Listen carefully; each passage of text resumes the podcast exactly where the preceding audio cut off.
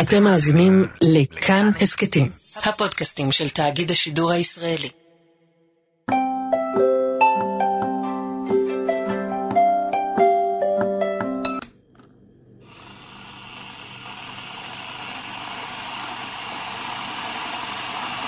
בוקר טוב, ארבע לפנות בוקר.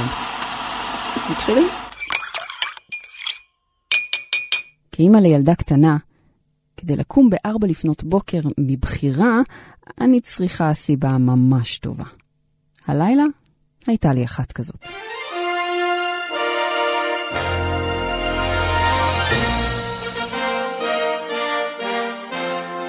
as we welcome the Republican nominee, President Trump, and the Democratic nominee, Vice President Biden. בשעה ארבע ושבע דקות לפנות בוקר, שעון ישראל בקליבלנד, אוהיו שבארצות הברית, הם עלו לבמה. ג'ו ביידן, סגן הנשיא לשעבר מצד ימין, דונלד טראמפ, הנשיא המכהן משמאל. אחרי שהקורונה ביטלה את רוב אירועי מערכת הבחירות המסורתיים, הגיע השריד האחרון שעוד נותר ממנה, העימות. ובשעה ארבע ושבע דקות לפנות בוקר, הוא יצא לדרך. Everything he's saying so far is simply a lie. I'm not here to call out his lies. Everybody knows he's a liar. But you I just agree. want to Wait, make wait, sure. Joe, you're the I, I, liar. I, I want to make sure. Graduated last in your class in I- that first. make Mr. sure. President, can you let him finish, sir? No, he doesn't know how to do that.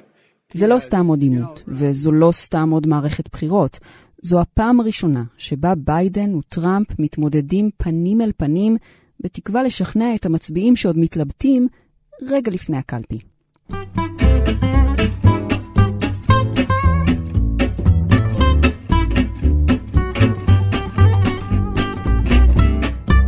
היי, אני מיכל רשף. ברוכות וברוכים הבאים לאמריקן.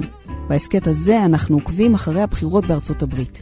נסביר את כל מה שלא ברור, נספר את הסיפור מאחורי השיטה, שבואו נודה על האמת, נראית מסובכת מבחוץ, ונבין לעומק מה מניע את הבוחר האמריקני כשהוא בוחר את מנהיג העולם החופשי. פרק מספר 8, העימות.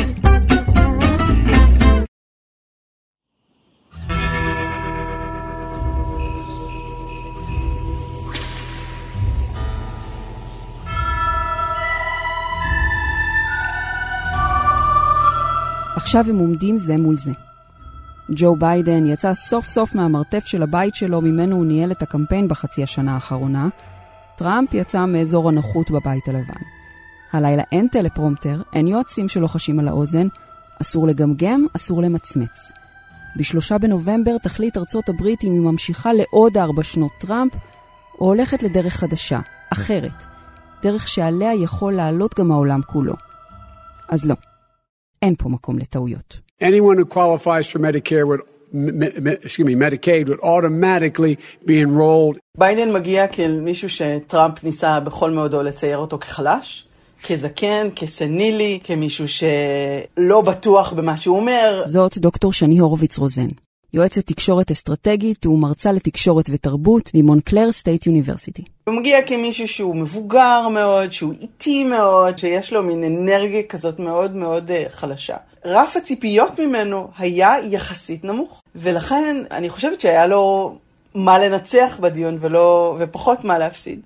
בעוד שטראמפ מגיע כנשיא מכהן, ונשיא מכהן כשהוא מגיע ל debate הוא תמיד נבחן ביכולת שלו להקשיב למישהו אחר. היה את זה גם ב debate הראשון של אובמה, ועכשיו גם היה הדיבור על טראמפ, שהוא בעצם נמצא בבועה משל עצמו, בעצם אף אחד כמעט לא מאתגר אותו ביום יום, ופתאום מגיע מישהו ואומר לו, רגע, רגע, אתה לא בסדר. טראמפ עוסק שוב ושוב בדיון על מי מפריע לו להתקדם, ולמה האמת שלו לא נשמעת. וזאת גם הייתה הנקודה שממנה הוא הגיע לעימות. שאלו אותו האם הוא מתכונן לעימות, והוא אמר, לא, אני בעצם עושה את זה כל הזמן. וזאת החוויה שלו, שהוא כל הזמן נמצא בעימות על הלגיטימיות שלו כנשיא. כל אחד מהמתמודדים הערב מגיע מעמדה שונה.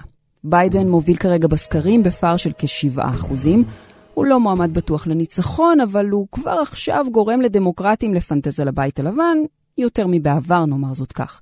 טראמפ מגיע מעמדת הנשיא המכהן, עם שיעור תמיכה נמוך לכל אורך הקדנציה, ושורה של סקנדלים, כמה מהם שפורסמו רק בשבועות האחרונים. הוא נמצא מאחור בסקרים, גם במדינות מפתח, והוא ממש לא רוצה להיות נשיא של כהונה אחת.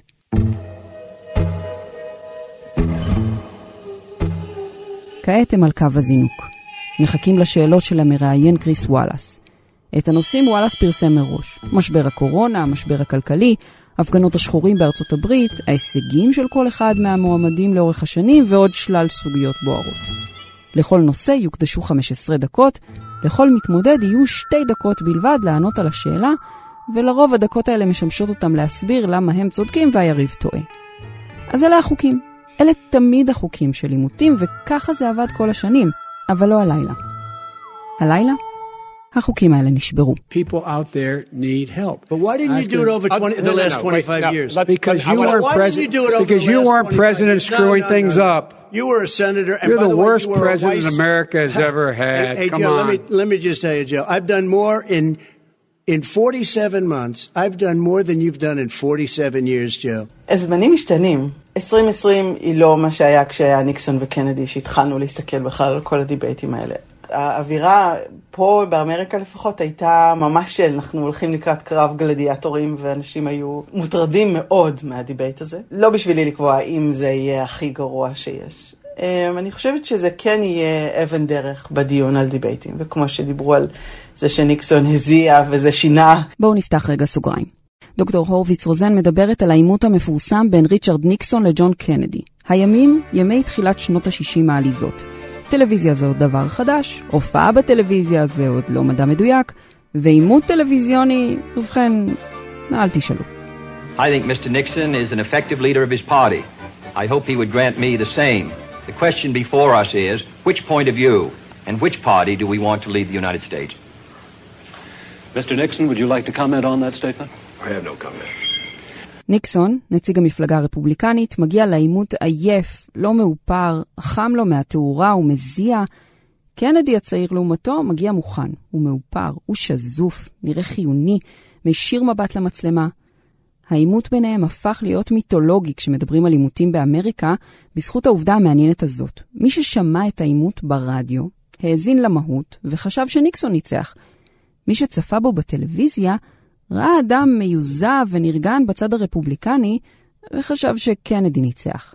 עידן הפוליטיקאים כוכבי הטלוויזיה החל. ושנים מדברים בקורסים לתקשורת על איך ניקסון הזיע בדיבייט וזה מה שהכריע את זה, אז עכשיו אנחנו פתחנו פרק חדש בדיון על דיבייטים. והפרק הזה יוגדר באמצעות מה שהיה חסר בדיון הזה, שזה חוקים וכיבוד לזירה שבה מתקיים הקונפליקט הזה בעצם.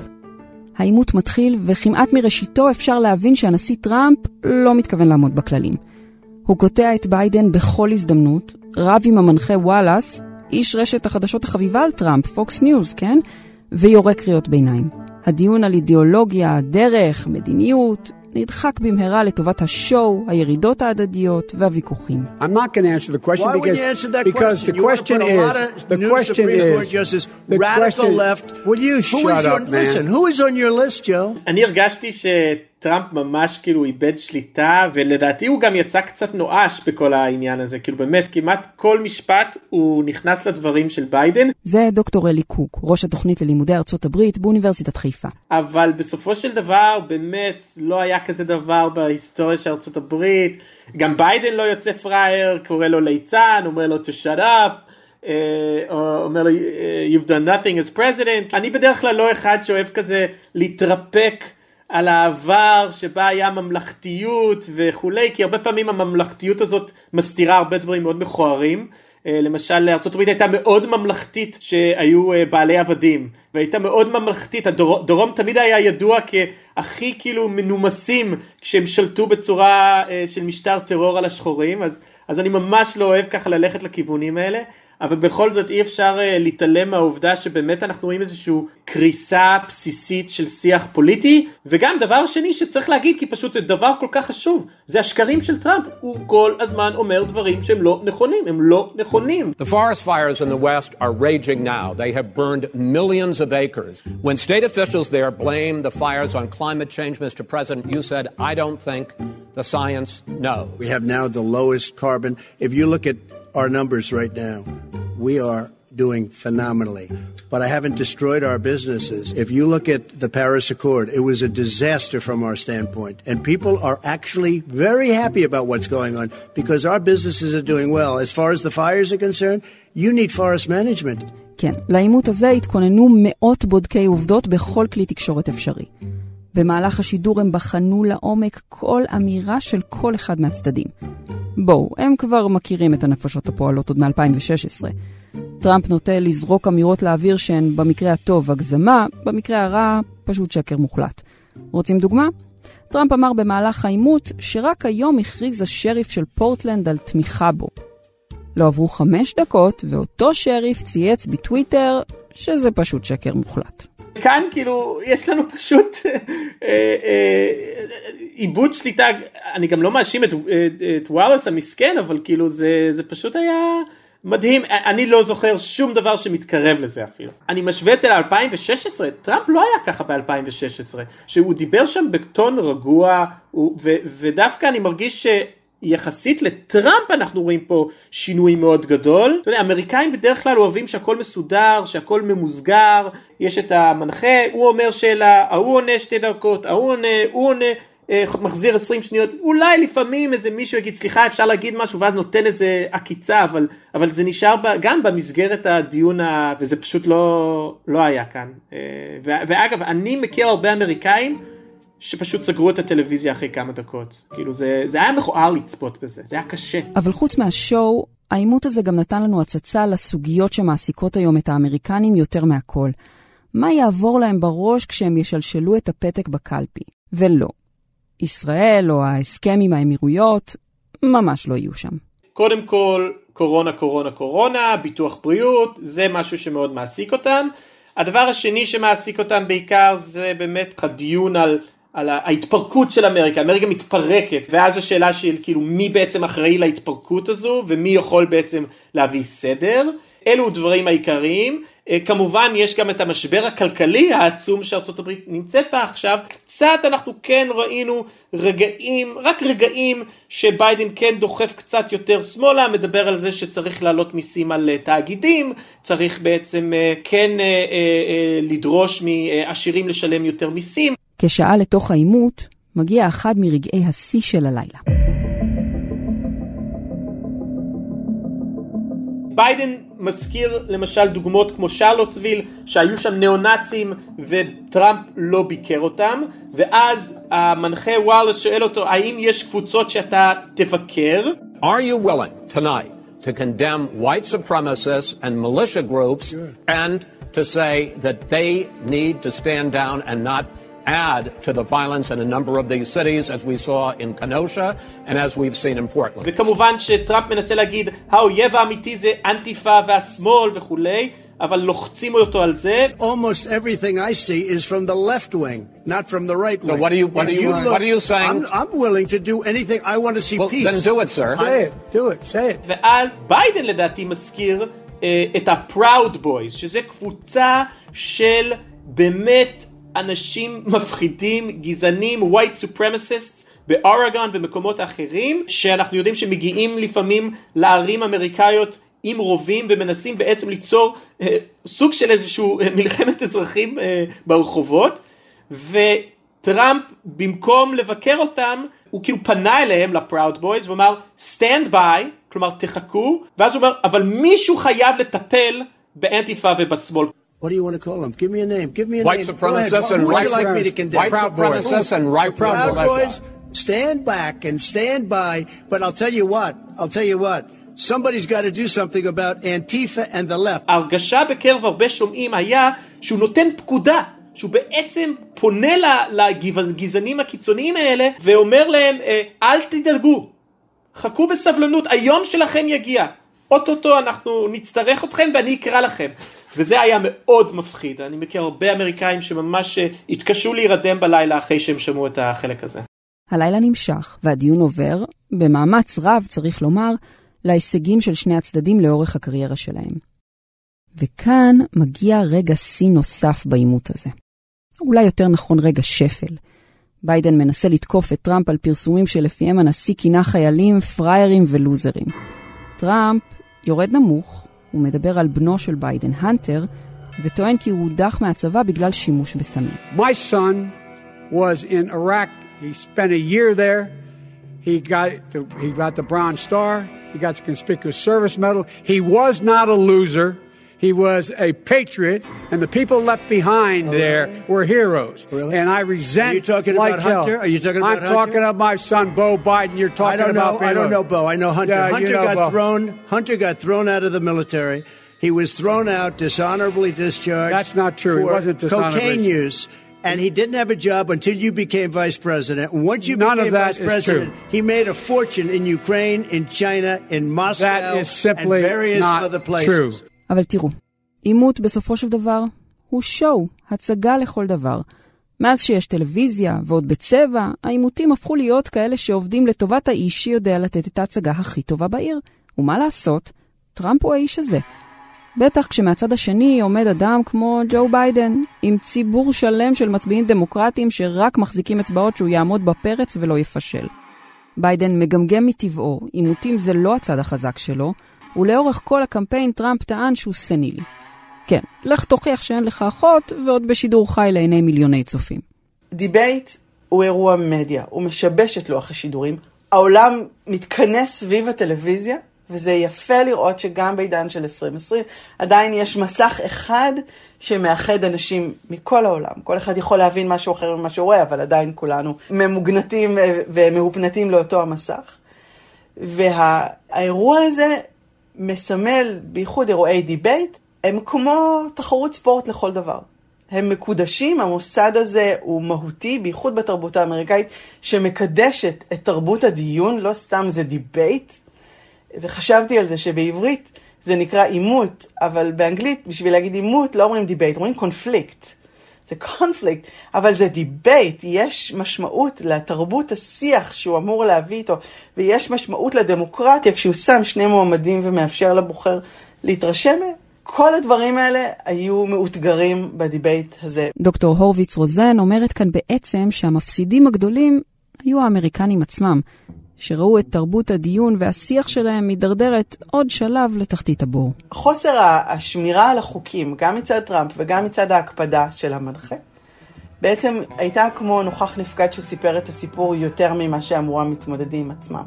משום שאם אי אפשר לשמור על שתי דקות לתת למתמודד השני לדבר, אז מה אנחנו עושים פה בעצם? ובעיניי זה זה היה משהו מאוד מאוד משמעותי, כי debate אמור להיות may the best man win, וזה יהיה הרעיון, כמו בכל תחרות ספורט, אנחנו מקדשים את החוקים כדי שנדע שמי שזכה הוא מי שבאמת מגיע לו לזכות. ואני חושבת שהגילום של הסוגיה הזאת היה בשאלה אחת האחרונות לקראת הסוף, האם טראמפ ישמור על החוקים ויקבל את התוצאות, וזה פשוט היה כל כך ברור שהוא יגמגם בתשובה הזאת. I hope it's going to be a fair election. If it's a fair You're election? I am 100% on board. But if I see tens of thousands of ballots being manipulated, I can't go along with that. אבל מבחינתי זה פשוט היה קו ישיר בין חוסר היכולת לשמור על הדיון עצמו באופן מסודר, לחוסר היכולת לקבל את תוצאות הבחירות. זה debate שיזכירו אותו שוב ושוב, בלימודי תקשורת לא פחות. אם תשאלו אותי, בעימות הלילה היו רק מפסידים. אף אחד מהצדדים לא נראה במיטבו. טראמפ צעק והפריע, ביידן היה חלש ועייף, אבל אתם לא שואלים אותי, נכון? מבחינתי המנצח הוא ביידן, מהסיבה הפשוטה שביידן הצליח לשחק בשתי חזיתות במהלך ה debate הזה. הוא הצליח להילחם בזירה מול טראמפ, ולא להיפגע ולא להתכופף תחת המהלומות שטראמפ אה, נתן לו, ובאותה מידה הוא הצליח לקחת צעד אחורה מהזירה ולהסתכל לצופים, ולהסתכל לקהל, והוא הצליח להיות נשיאותי, אולד פשן כמו פעם, שמדברים לציבור ואומרים את המסר שלשם התכנסנו. ובאותה מידה, הוא, זה ממש דמיינתי אותו ברגעים האלה, מותח את החבלים של הזירה, ונכנס פנימה כדי לתת עוד מהלומה לטראמפ, ובאותה נשימה יכול לקחת צעד אחורה. ומשום שהוא הצליח לשחק בשני המקומות האלה, ולא איבד את עשתונותיו ולא נגרר לאלימות הזאת שהייתה שם, לפחות פחות מטראמפ, אה, אני חושבת שהוא המנצח. טראמפ היה צריך אה, להביא פה איזשהו רגע כזה שביידן מפשל בענק, כי הוא באמת מפגר בסקרים, איזה משהו שאחרי זה יוכלו להקרין בלופ הטלוויזיה שוב ושוב, וטראמפ יוכל להגיד הנה תראו הוא דימנטי, הנה תראו אה, הוא לא כשיר להיות הנשיא, זה לא קרה, כאילו חד משמעית זה לא קרה, ובגלל זה אם הייתי מסכם את כל הדבר הזה, הייתי אומר אין פה מנצח, אבל בגלל שביידן לא הפסיד, אז הוא סוג של מנצח.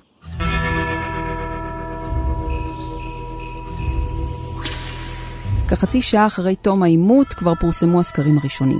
הצופים קבעו מי ניצח. To answer your question, who won, we follow that up, it looks very much like the vote. 48-41, Joe Biden, you know. ונראה שגם לתורמים זה היה די ברור. לקראת סוף העימות הנשיאותי שבר קמפיין ביידן את שיא התרומות לשעה אחת עם שלושה מיליון ושמונה מאות אלף דולרים שנאספו במהלך העימות. אבל היו גם מי שהעימות הזה פחות דרבן אותם להיות מעורבים פוליטית בארצות הברית. ניתוח של Google Trends הראה שאחד החיפושים הבולטים של האמריקנים בשעה וחצי של העימות היה איך אני יכול לעבור לניו זילנד. הממ. אגב, גם בניו זילנד יש עכשיו מערכת בחירות, וגם שם נערך הלילה עימות בין המועמדות לראשות הממשלה. איך נאמר, יש הבדלים. We have four-year terms for governments instead of three? Judith Yes. Collins. Yes. Four-year terms you My support. gosh, okay. We might be able to do that. Yeah, it's great. Okay, you, Right, after this, you guys can talk. We don't want to All see right. you for four years. טוב, ארצות הברית זה לא ניו זילנד, בסדר. אבל העימות הלילה הזכיר לנו שארצות הברית היא גם כבר לא ממש ארצות הברית. בארבע השנים האחרונות נזנחו שם מסורות עתיקות שנים של כבוד הדדי, של שיח פוליטי מכבד, של דיון. בסופו של דבר אני חושב שהסיפור פה הוא באמת הכרסום של הנורמות וגם של הדמוקרטיה עצמה. טראמפ, אתה רואה את זה במילות סיכום שלו, מכין את הקרקע אה, לערער על התוצאות וזה מאוד מפחיד, זה פשוט מפחיד, במיוחד עם הקורונה, במיוחד עם ההצבעות בדואר, אז האווירה הזאת של איבוד שליטה, שארצות הברית כבר לא מצליחה ככה לנהל את עצמה, אפילו לא בדיבייטים, אז קודם כל הייתי אומר שאנחנו רואים פה איזושהי קריסה של אימפריה, אה, שזה עצוב לומר אבל ככה זה מרגיש. והדבר השני שהייתי אומר, זה שחשבתם שזה בלאגן? חכו חכו, כי זה הולך להיות הרבה יותר מכוער גם בהמשך.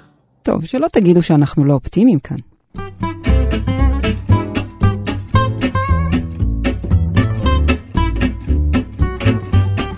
האזנתם לפרק של אמריקן. ערכו אותו דניאל אופיר ונועה אקסינר. בצוות, מתי ברנהארט. אם אהבתם את הפרק או יש לכם הערות על מה שאמרנו, אתם מוזמנים ומוזמנות לכתוב בקבוצת הפודקאסטים שלנו כאן הסכתים. תוכלו לכתוב גם בדף פייסבוק של כאן חדשות, או בחשבון שלי, מיכל רשף, בפייסבוק או בטוויטר. הסכתים נוספים מבית כאן חדשות תוכלו למצוא באפליקציית הפודקאסטים האהובה עליכם, באתר שלנו וגם בספוטיפיי. אני מיכל רשף. נשתמע.